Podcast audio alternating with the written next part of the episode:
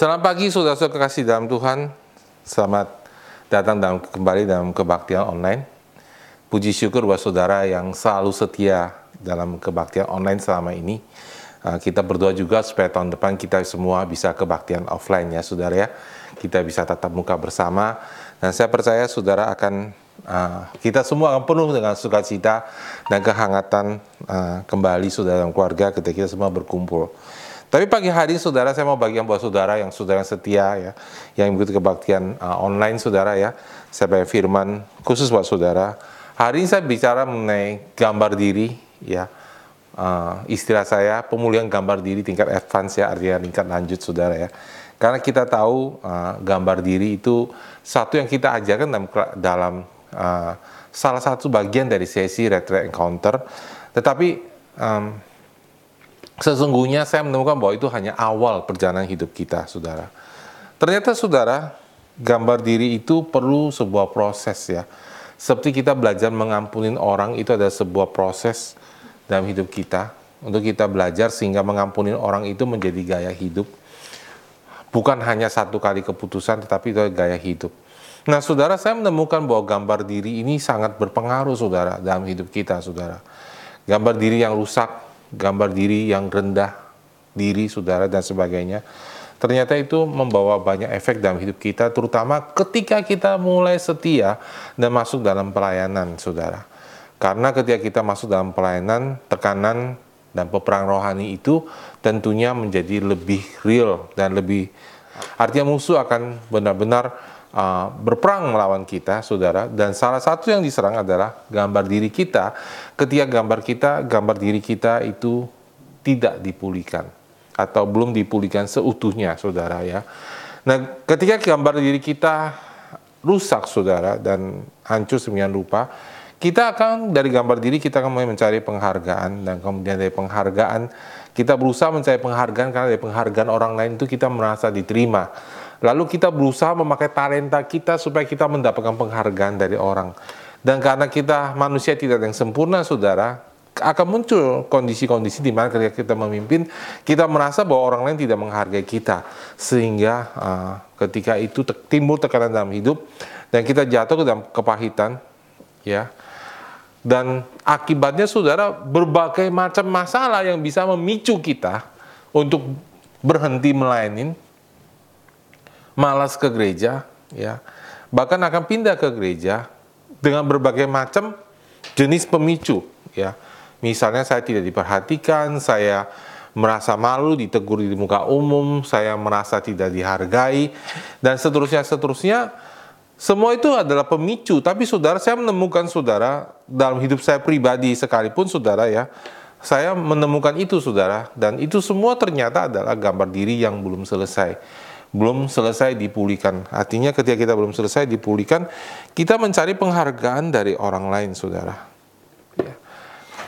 Hari ini saya mau bicara sama saudara um, bagaimana meningkat, memulihkan gambar diri di dalam Tuhan saudara. Ya saya menemukan lucu banget saudara, ternyata gambar diri itu tidak bisa dipulihkan ketika orang lain menghargai kita. Ketika orang lain memuji kita. Bahkan saudara, saya menemukan bahwa kita berkali-kali minta meminta konfirmasi kepada orang lain supaya kita bisa mendapatkan pujian, supaya kita bisa mendapatkan confidence, saudara ya, mendapat keyakinan bahwa saya berharga, bahwa saya berfungsi, bahwa saya berguna. Nah, Ternyata saudara, saya menemukan bahwa karunia-karunia roh kita, talenta kita, dan buah-buah kita sekalipun itu ternyata tidak memulihkan gambar diri kita, saudara. Saya menemukan bahwa orang bahkan sudah melayani di dipakai Tuhan luar biasa dan mereka tetap aja, saudara, tidak yakin, saudara, bahwa dirinya berharga di depan Tuhan. Ya, ini hal yang buat saya adalah penemuan baru, saudara, pengertian baru. Nah, saudara, sebelum kita lanjut, kita ulang sebentar, saudara, apa sih gambar diri itu, saudara? Ya. Gambar diri adalah pendapat saya tentang diri saya sendiri, ya. Amsal 23 ayat 7a mengatakan, seperti orang yang membuat perhitungan dalam dirinya sendiri, demikianlah ia. Nah, saya lebih suka bahasa Inggrisnya, saudara ya. Bahasa Inggrisnya jauh lebih uh, jelas, saudara. Dikatakan begini dalam bahasa Inggrisnya, For as he thinks within himself, so he is. Ya. Sebagaimana dia berpikir tentang dirinya, demikianlah dia akan menjadi seperti itu. Nah, saudara, gambar diri itu, saudara, saya mau kasih tahu saudara, gambar diri itu bukan di luar kita. Gambar diri itu dalam pikiran kita sendiri, emosi kita, perasaan kita. Jadi emosi itu apa, saudara? Emosi adalah kenyataan yang kita rasakan di dalam diri kita, tapi bukan dari luar kita, saudara. Jadi gini, saudara, kita tuh bisa merasa tidak berharga. Walaupun orangnya sudah menghargai diri kita, kita merasa, ah enggak, saya nggak dihargain kok, bohong dia. Dia pura-pura muji saya. Kenapa saudara? Karena yang saudara gambarkan itu ada realita di dalam pikiran saudara, tapi sebenarnya bukan sesuatu yang di luar kita, saudara. Nah ini yang bisa merusak hidup kita ketika hidup kita tidak dipulihkan. Karena kita kan terus menerus merasakan minder, merasa nggak berharga, merasa bahwa orang lain memuji saya sia-sia. Apa pun yang orang memasukkan saudara itu nggak bisa lepas. Karena itu benteng yang musuh bangun dalam pikiran kita sekian lama sehingga susah sekali untuk dihancurkan saudara. Jadi saudara gambar diri itu adalah pendapat saya tentang diri saya gitu ya bukan pendapat orang lain Seringkali kita kan suka dengar orang bilang kan, ah kamu cantik sebenarnya. Terus kita dengar orang yang mendengarkan pujian itu bilang, ah enggak ah, kamu bohong, kamu pura-pura bilang saya cantik ya. Apalagi kalau saya sister-sister susah banget dipuji saudara ya. Dia bilang, wah kamu bohong itu ya, enggak saya enggak cantik gitu ya. Wah semua orang bilang dia cantik, terus saya bilang enggak, enggak, enggak, semua kalian berbohong tentang saya. Terus tiba-tiba ada satu orang bilang, kamu kurang cantik, nah itu saya percaya. Mudah sekali saudara menangkap sesuatu yang negatif saudara daripada sesuatu yang positif saudara. Kenapa saudara? Karena di dalam diri kita itu dibangun sebuah benteng bahwa diri kita itu tidak berharga. Kenapa saudara? Karena gambar diri dunia memanggilnya adalah sebagai citra diri atau jati diri. Nah, citra diri atau jati diri itu Alkitab menyebut juga sebagai identitas kita, saudara. Citra diri atau identitas kita itu menentukan tingkah laku kita. Karena apa saudara? Identitas ini membuat kita yakin bahwa kita berharga atau tidak, membuat kita yakin atau tidak diterima dan sebenarnya pertama-tama dan terutama adalah diterima oleh Tuhan. Nah, ketika orang tidak mengerti ini, saudara, orang akan mencari ke mana pun di dunia ini penerimaan. Makanya, saudara, di dunia ini ada artis-artis yang berhasil luar biasa, tapi tetap minder, saudara. Ya, Salah satu yang terkenal saudara ya, namanya Michael Jackson, saudara tahu ya, bahwa dia itu orang yang operasi berkali-kali mukanya saudara. Karena dia nggak yakin saudara tentang gambar dirinya, gambar dirinya hancur. Oh saudara jangan tanya soal uang, saudara jangan tanya soal fasilitas dan gaya hidupnya. Semuanya itu ada. Tapi itu tidak bisa memulihkan kepercayaan dirinya. Saudara kenapa saudara? Karena kita tuh diciptakan dalam rupa dan teladan Allah. Jadi gambar diri itu kita bisa merasa pulih hanya kalau satu orang memuji kita, yaitu Tuhan Allah, saudara. Nah, ketika orang tidak mengenal Tuhan atau orang tidak dewasa dalam Tuhan, mereka terus mencari ke yang lain-lainnya.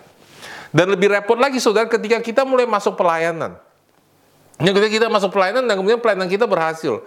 Dan ke, berhasil tidak berhasil, saudara, tapi intinya pelayanan kita diurapi, kita di kita berbuat dan kita kan berusaha sama orang lain, wah gimana saya pelayanan saya berhasil nggak? Kamu diberkati nggak? Terus itu yang dikejar saudara. Karena apa saudara? Dia kejar konfirmasi bahwa dirinya itu berharga, bahwa dirinya itu berfungsi. Nah itu berbahaya saudara. Kenapa saudara? Orang akan gagal menghargai kita. Orang itu bukan Tuhan, saudara ya. Mereka punya kelemahan. Setiap orang juga dalam proses pemulihan gambar diri. Kenapa, saudara? Karena kita diciptakan untuk menerima gambar diri kita itu dari Tuhan, bukan dari manusia, saudara.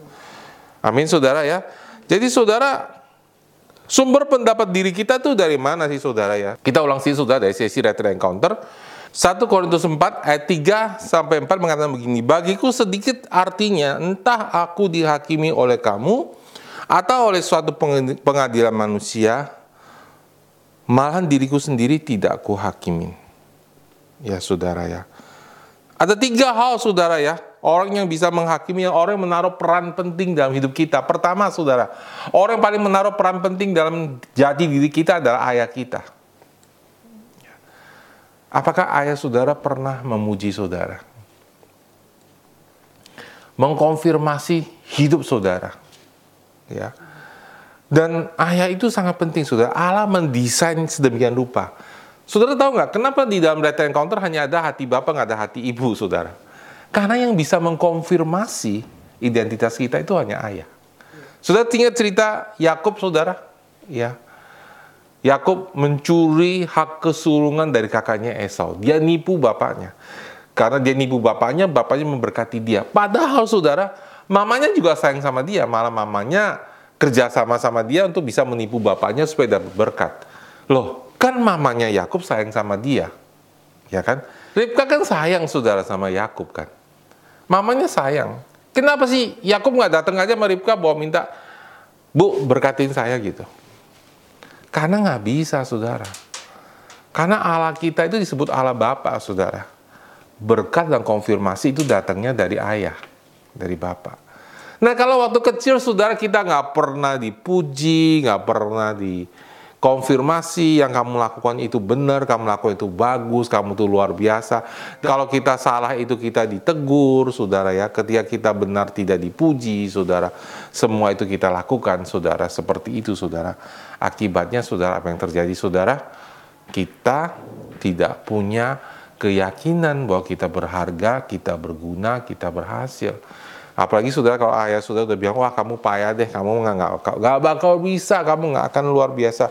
Dan saudara sebagai gambar diri itu terutama waktu kita masih kecil, saudara ya, itu penting banget, saudara. Ketika kita masih kecil sampai kita remaja itu penting banget pujian dari orang tua kita. Jadi saudara, uh, dan kemudian kita jadi tidak punya rasa yakin diri, saudara. Ya.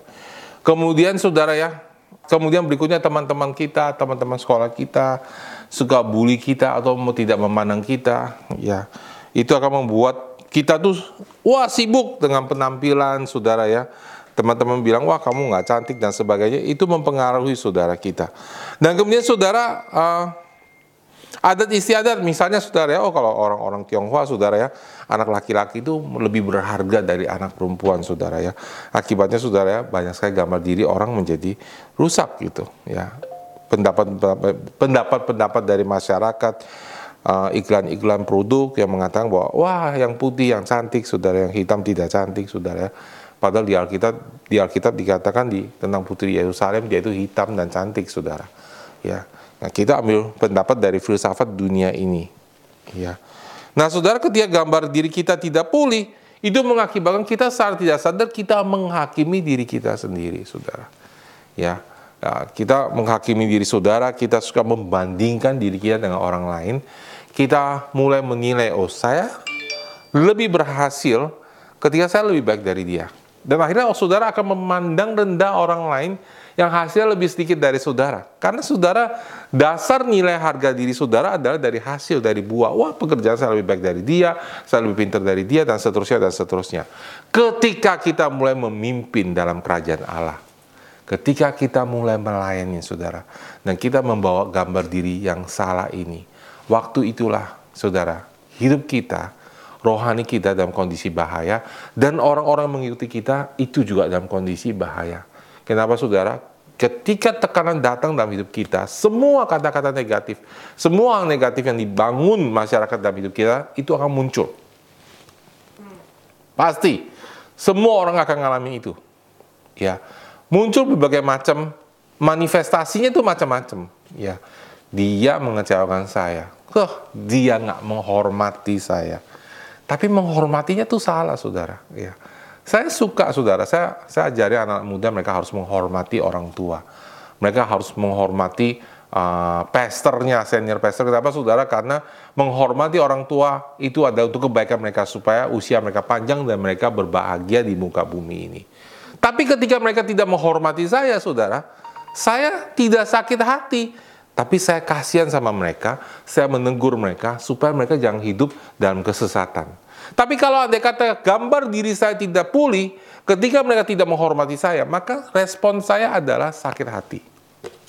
Dari situ kita bisa tahu bahwa gambar diri kita itu belum pulih, saudara ya. Dan respon kita bukan untuk dia, kelihatannya untuk dia dalam hati kita mulai pahit, kita bilang uh, sakit hati.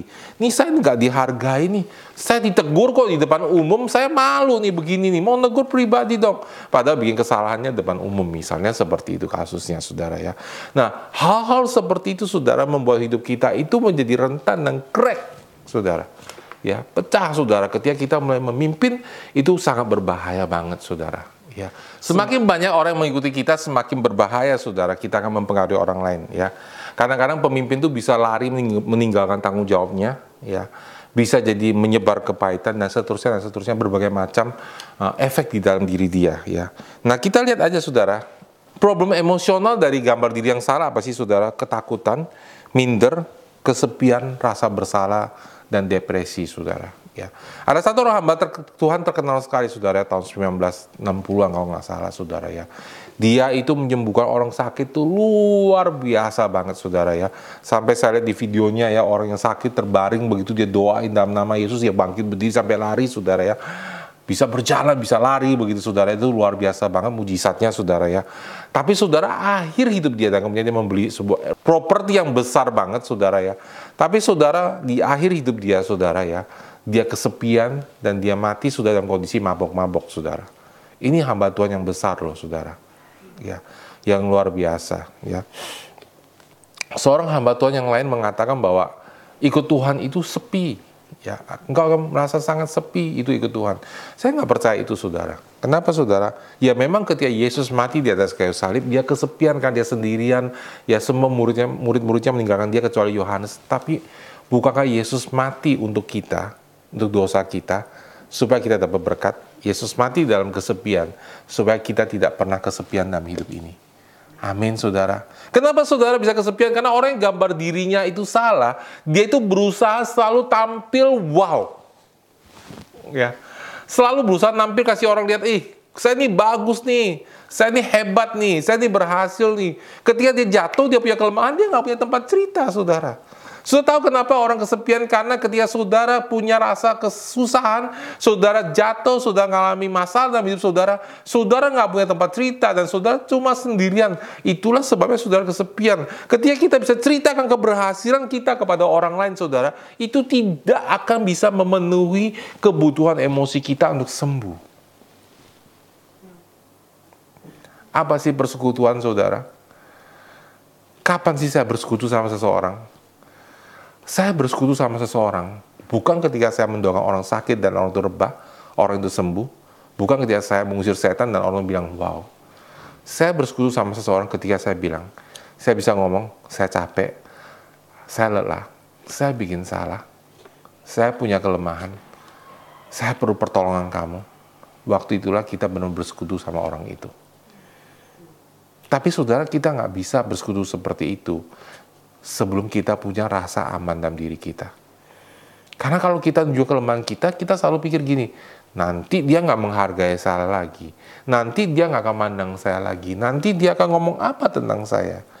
Dan semua itu merusak hidup kita, saudara. Makanya saudara, banyak hamba Tuhan yang saudara yang dipakai Tuhan luar biasa, tapi ketika mereka meninggal saudara, kondisi mereka sangat kesepian, tidak ada teman saudara ya. Ada juga seorang hamba Tuhan yang luar biasa saudara ya di uh, tahun 1950-an saudara ya. Itu saudara dia ketika dia jalan di rumah sakit saudara tahu ya. Ini seorang wanita saudara yang ketika dia masuk ke rumah sakit, satu rumah sakit itu sembuh semua saudara. Wah wow, luar biasa banget saudara ya. Dan dia bagian gedung yang besar dan kalau dia kebaktian itu penuh saudara. Tapi waktu dia mati saudara, ditemukan dia di kamar sendirian. Dan di kamar itu penuh dengan obat-obat penenang. Sudah tanya kenapa begitu? Dengar baik-baik sudah. Saya kasih tahu saudara. Saya memperhatikan ini saudara. Saya bertanya sama Tuhan kenapa begitu?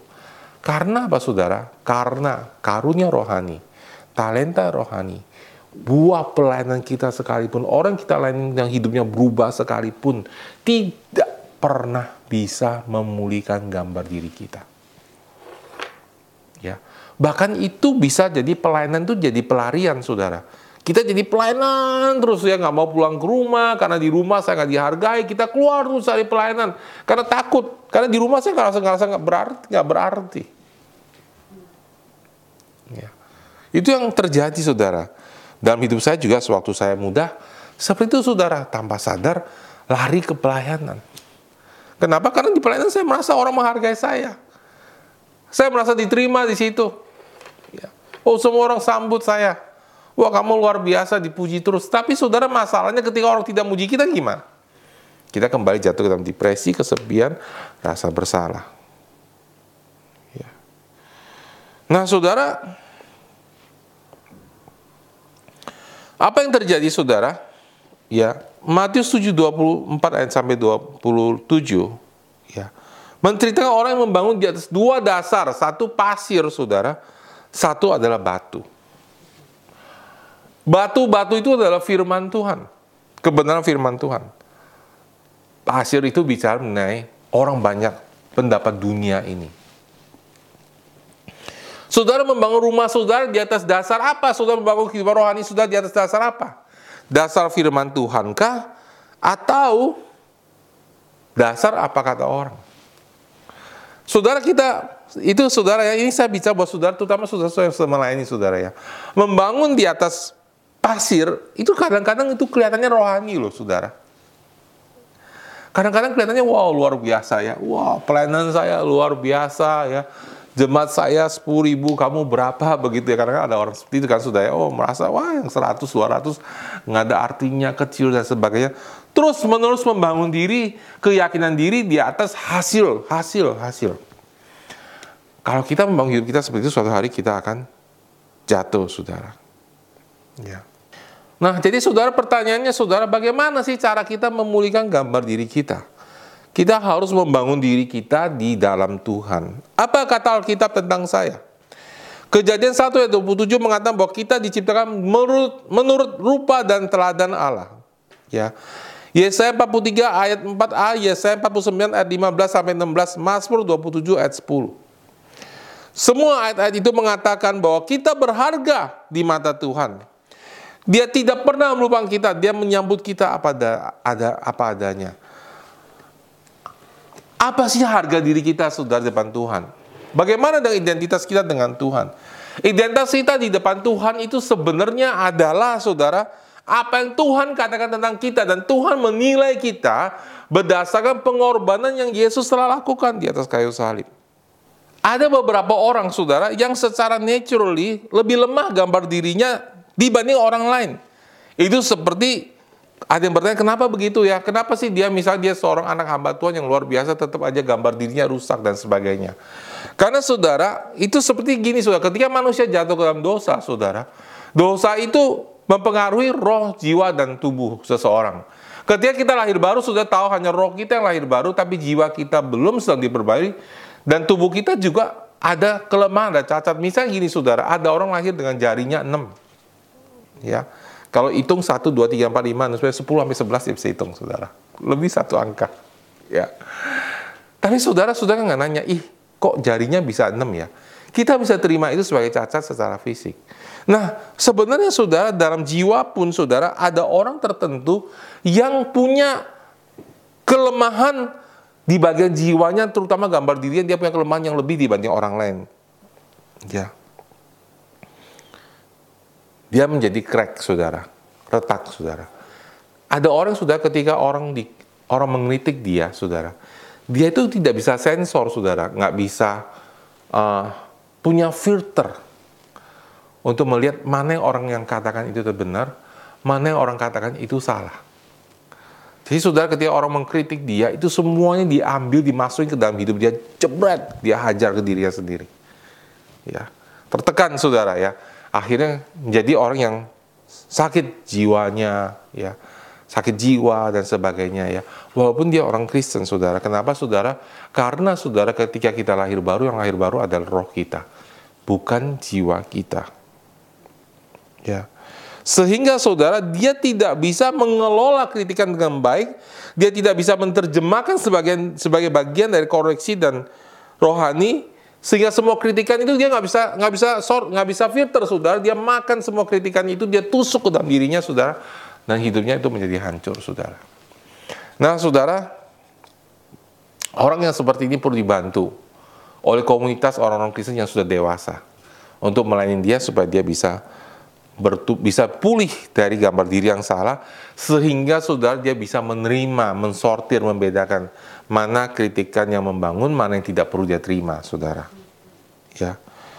Nah, saudara, karena itu saudara, untuk kita bisa masuk dalam panggilan Allah, untuk kita bisa masuk dalam menemukan panggilan Allah, saya percaya sudah sih semua kepingin masuk dan menerima panggilan Allah, saudara. Untuk bisa masuk dalam panggilan Allah, untuk bisa menemukan panggilan Allah, saudara, kita harus menemukan jati diri kita dulu. Kita harus menemukan diri kita itu berharga di depan Tuhan, saudara.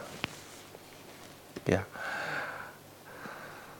Dan semakin kita masuk ke dalam panggilan Allah, saudara, semakin juga kita akan disembuhkan. Kenapa, saudara? Karena dalam panggilan Allah kita merasa, kita menemukan bahwa, eh, ternyata saya berguna loh. Ternyata saya berfungsi loh. Nah, saudara, ini saya mau jelaskan, saudara. Ketika saudara merasa berguna, saudara merasa berfungsi, itu tidak akan otomatis memulihkan gambar diri saudara. Seperti saya tadi ngomong, bahwa talenta dan pelayanan itu tidak otomatis akan memulihkan hidup saudara. Tapi saudara setiap kali saudara berdu, saudara melayani, saudara lihat, wih, ternyata orang saya doakan ini mengalami perubahan. Ketika saya doain, oh orang ini kok jatuh ya rebah dilawan oleh Tuhan, dia sembuh dan sebagainya. Nah itu tidak akan otomatis memulihkan gambar diri kita. Setiap kali kita mengalami itu, tujuan dari mujizat itu adalah mengarahkan kita bahwa kita sadar bahwa Allah itu menganggap hidup kita berharga. Amin saudara? Ya. Jadi saudara, setiap kali kita ngalamin itu, atau setiap kali kita ngalamin tekan hidup kita, kita harus lari ke dalam hadirat Tuhan. Kuncinya di situ saudara. Kita lari di dalam hadirat Tuhan, berdoa sampai sudah masuk, menemukan Yesus Kristus dan sudah mendengarkan kata-kata, Engkaulah anakku yang kukasihi. Kepadamu lah aku berkenan. Sampai sudah mendengar itu dari Tuhan sendiri, saudara, kita nggak bisa pulih.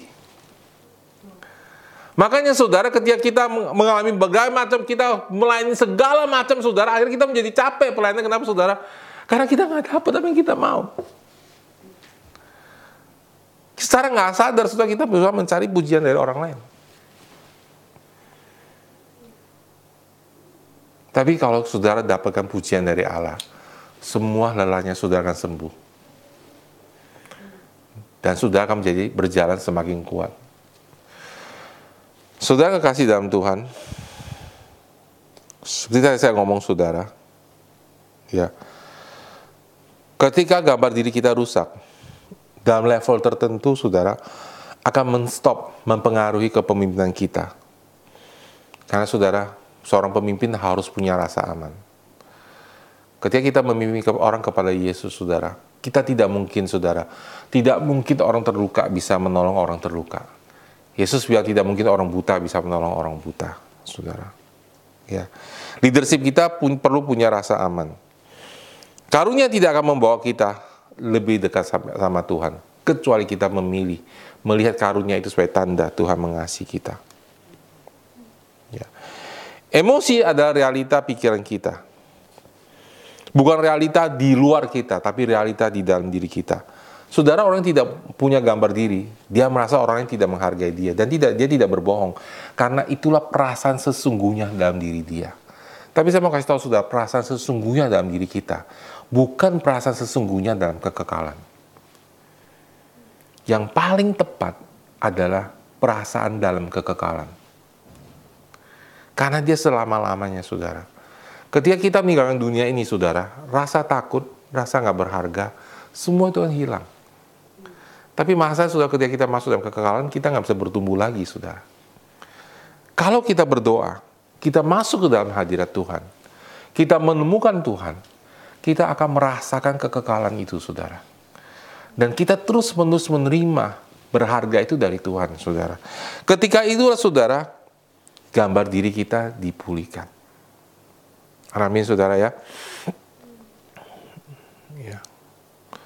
Saya berdoa, saudara, bahwa saudara mendengarkan firman Tuhan hari ini. Saya percaya saudara ketika kita sudah dengar firman Tuhan hari ini ya, ada sesuatu yang Tuhan mau katakan pada saudara. Terutama yang mendengar firman Tuhan di sini ada pemimpin-pemimpin saudara ya. Dan semua calon pemimpin saudara, saudara yang berjalan dalam Tuhan saudara. Saya menemukan bahwa sering kali gambar diri yang rusak ini dan belum dipulihkan itu merusak leadership dalam banyak level saudara. Saudara, mari kita saudara mencari penghargaan dari Tuhan Mari kita mencari wajahnya dan menunggang kata-kata dari dia, saudara. Karena firmannya dan perkataan dari mulutnya itu yang menyembuhkan kita. Amin, saudara. Ya, Saya berdoa, saudara, bahwa firman Tuhan hari ini menjadi berkat buat saudara dan banyak dari saudara. Saya berdoa, saudara, ketika sudah mendengar firman hari ini, saudara disembuhkan. Mari kita berdoa saudara. Bapak di surga aku berucap syukur Tuhan untuk setiap orang mendengar firman Tuhan hari ini. Aku percaya kehendakmu untuk kami mendengar firmanmu hari ini. Aku berdoa Bapak supaya orang-orang mendengar firman ini hari ini diberkati. Dan Tuhan engkau akan menerangi hati kami dan pikiran kami bahwa kami berharga di depan matamu. Setiap kali kami mencari wajahmu Tuhan, Engkau akan menyatakan kemuliaanmu dan kasihmu kepada kami. Sehingga hidup kami dari hari ke hari dipulihkan. Dan kami bisa mencapai panggilan hidup kami dan membawa banyak orang memenuhi panggilanmu juga. Kami syukur Bapak untuk setiap firman yang ditaburkan hari ini. Kami syukur Bapak. Di dalam nama Tuhan Yesus kami berdoa. Amin. Tuhan Yesus memberkati saudara. Sampai berjumpa minggu depan. God bless you.